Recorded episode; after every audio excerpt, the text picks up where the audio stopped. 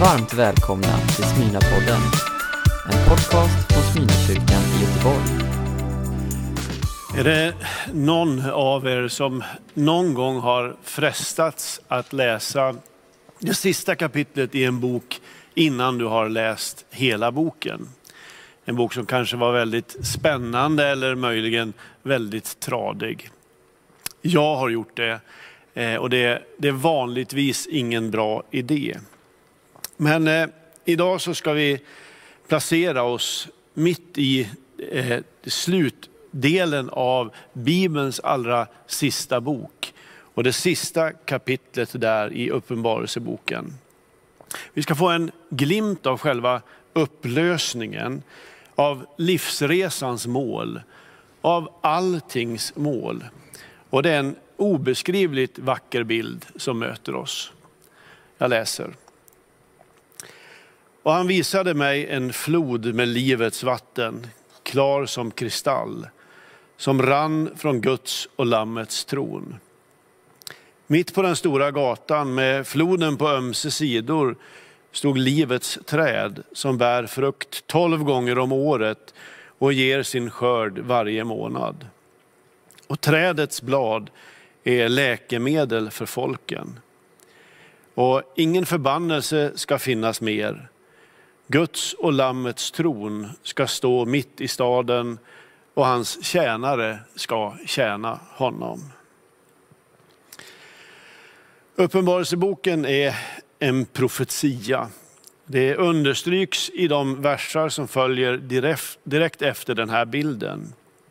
Dessa ord är trovärdiga och sanna.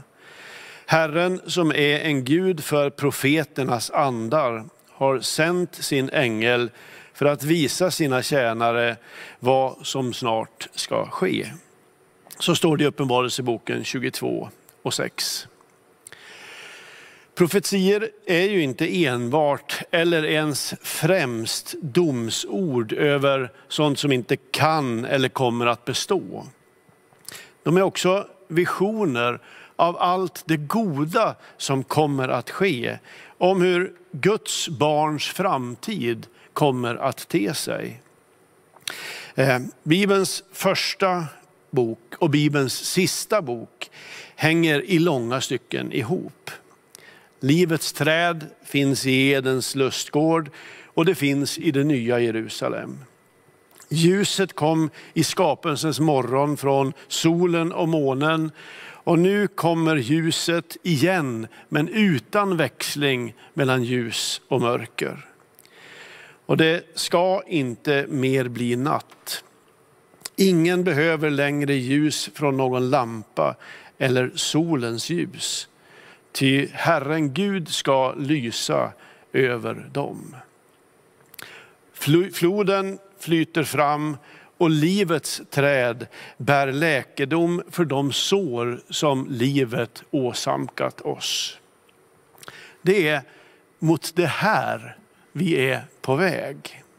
Och hur vackert och meningsfullt än livet är ibland, så förloras ju någonting av den djupaste meningen med det om man frikopplar det från det här hoppet. Någonting som också blir tydligt när man mister någon av dem som ju som var ens liv. Och vi funderar på hur livet någonsin ska kunna bli meningsfullt igen. En av Karin Boyes mest kända dikter har en rad som lyder så här. Nog finns det mål och mening i vår färd, men det är vägen som är mödan värd. Med all respekt för Karin Boyes författarskap så tror jag på det omvända. Jag tror att det är målet som gör resan värd. Det finns förvisso där i hennes text, men mer som en bisats. Visst finns det men. Ja, tror att det finns mål och mening i vår färd, men jag tror att det är målet som gör resan värd. Målet som ju kastar ljus över varje sträcka av vägen. De ljusa och lätta, men också över de som är så tunga att vi nästan inte tar oss igenom. Det där med vägens relation till målet är spännande. Har ni tänkt på att man, att man får någon slags särskild relation till platser som man bara har stannat till på när man egentligen har varit på väg någon annanstans, varit på väg liksom på genomresa.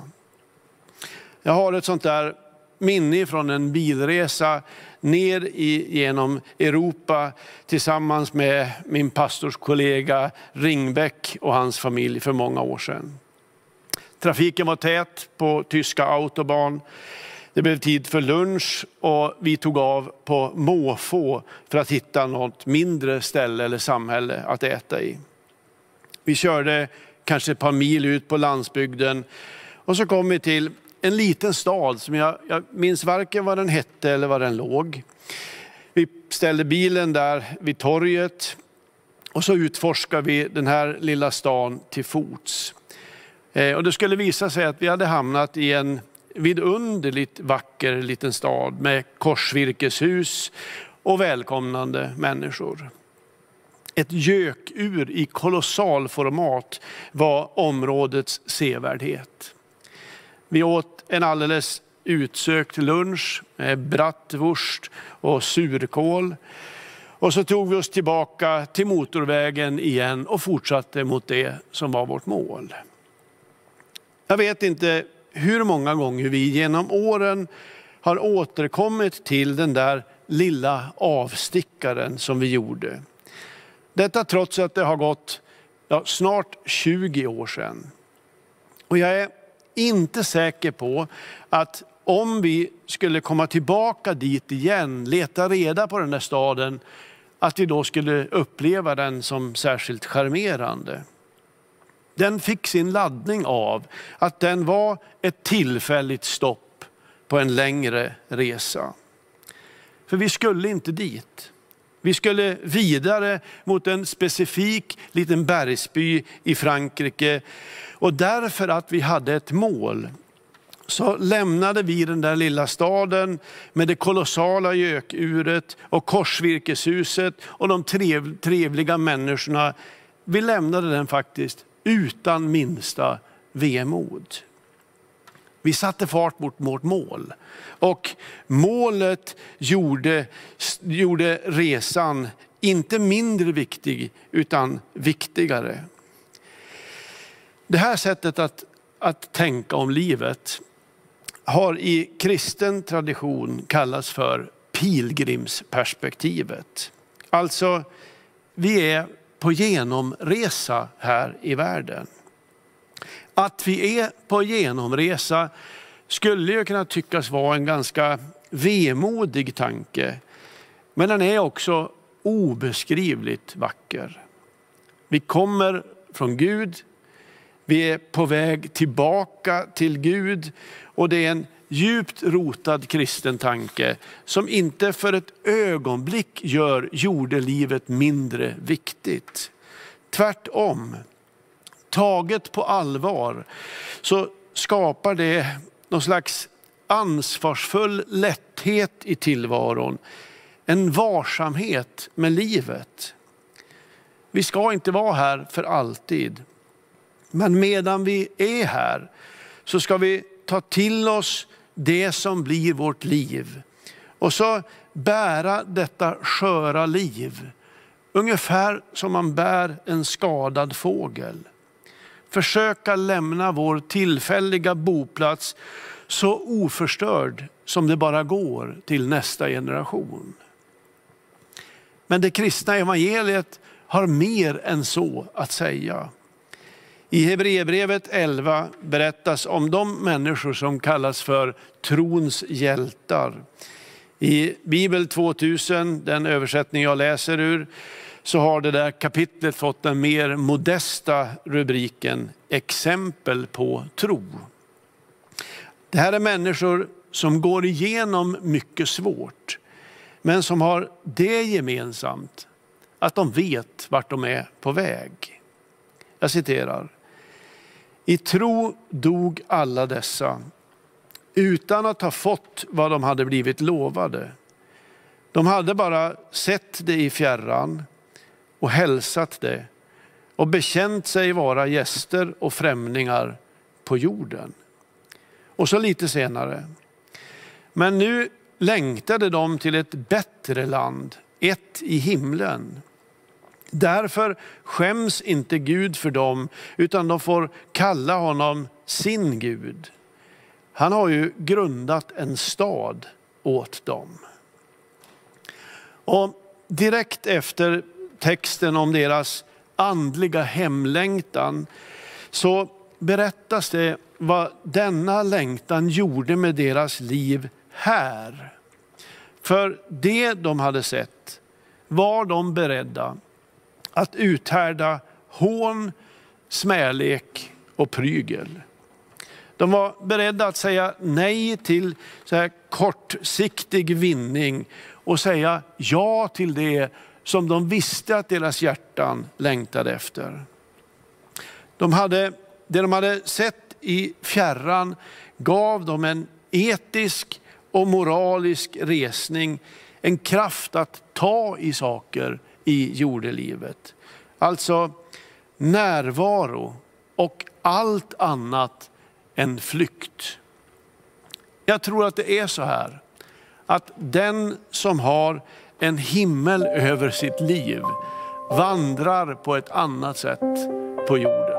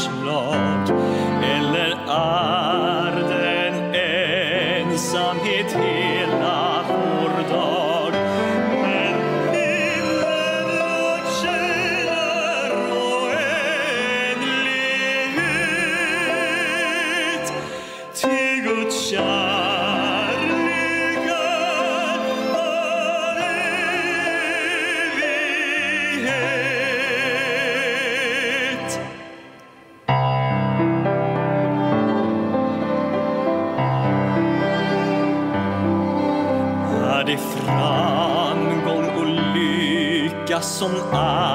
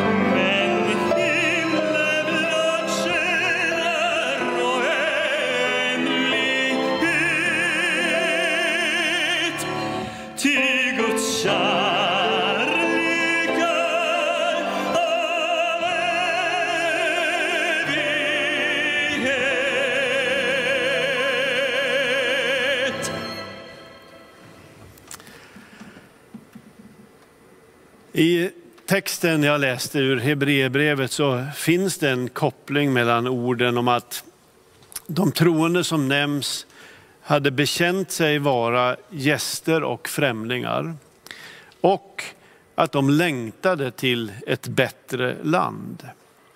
Vi, precis som trons hjältar, vet att vi är på väg mot ett bättre land. Men eh, vägen kan ändå kännas oändligt lång ibland. Att de bekände sig som gäster och främlingar talar ju om att det här är något mer än en känsla. Det står inte att de alltid kände sig så som gäster och främlingar. Eh, långa sträckor så känner man ju, man känner sig väldigt hemma i den här världen. Att världen på så många sätt är fantastisk. Men jag tror också att vi alla känner av livets flyktighet ibland. Vi känner hur skört allting är. Vi känner hur fort det går. Och vi känner hur tomt det plötsligt kan bli i den här världen när någon vi älskat rycks bort ifrån oss i döden. Det är då det är så stort att få lägga sitt liv och bygga sitt liv på någonting fastare än känslan, nämligen hoppet. Att jag är en gäst och främling här innebär ju att jag är hemma någon annanstans. I Filipperbrevet så står det en kort, viktig bekännelse. Vårt hemland är himlen. Den sång som Viktor sjöng alldeles nyss, Einar Ekbergs sång, fångar ju så mycket av flyktigheten och hoppet. Fångar ögonblicket och evigheten som sången heter. Och den gör det samtidigt. Lyssna igen. Vårt liv är ett flyende ögonblick. Så snabbt vår dyrbara tid förgick. Är det sommarsol? Är det vintersnö? Är det födelsens stund eller tid att dö? Är det ljuv gemenskap i vänners lag eller är det en ensamhet hela vår dag? Men himlen blott känner oändlighet, ty Guds kärlek är av evighet. Jag tänker ofta att himlen som resmål är underskattat. Jag tror alldeles bokstavligt på en himmel. Och det slår mig att min tro blir liksom mer och mer naiv på ett sätt för varje dag som går. Jag tror på igenkänning och återförening. Jag begriper lika lite som någon annan hur det går till. Men jag tror på det. Jag tror på en himmel som inte ska begränsas till att vara fullbordad tid eller en annan dimension eller uppgående till någonting större. Utan som, som är en plats, en tillvaro. Utan den tron skulle i alla fall mitt liv bli fattigt och tomt. Vägen skulle långa sträckor bli allt för tung att gå. Men målet gör resan och märk hela resan mödan värd. Och jag vill landa där jag började i Bibelns sista skälvande kapitel. Och den där bilden som framträder i Johannes profetia där i slutet. I den kosmiska trädgården finns det ett träd som kallas för livets träd. Det verkar som om själva himlen är byggd runt detta träd. En dag ska vi krypa in i skuggan under det trädet. Vi ska omfamna varandra, vi ska hålla om varandra och aldrig i evigheters evighet ska vi behöva släppa taget om dem vi älskar. Vår samvaro är nu evig. Det här är livets träd. Och i den behagliga skuggan under det trädet så ska vi prata färdigt. De samtal vi inte hann färdigt här, vi ska få prata till punkt. I skuggan av det trädet ska vi äntligen få känna vad det är att vara på djupet förstådd. Där ska det sönderblåsta, det nertrampade i våra liv komma dinglande till oss som friska löv. Vi plockar ett av de där löven och så lägger vi dem över våra sår. Och trädets blad är läkedom för folken. När vi suttit där länge nog så går vi till floden.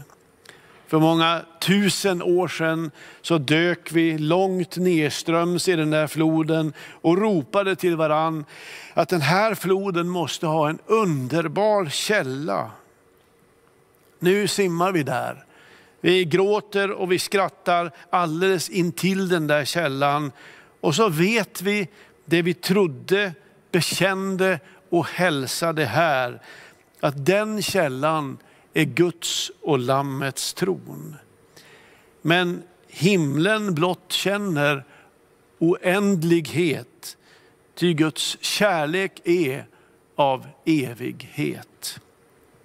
Vi är inte där än, men vi ska dit. Och att bevara det hoppet, det är inte att fly. Det är det som kallas att leva.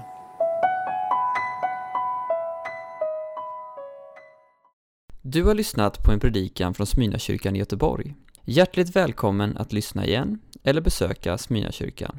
Gud välsigne dig och din vecka.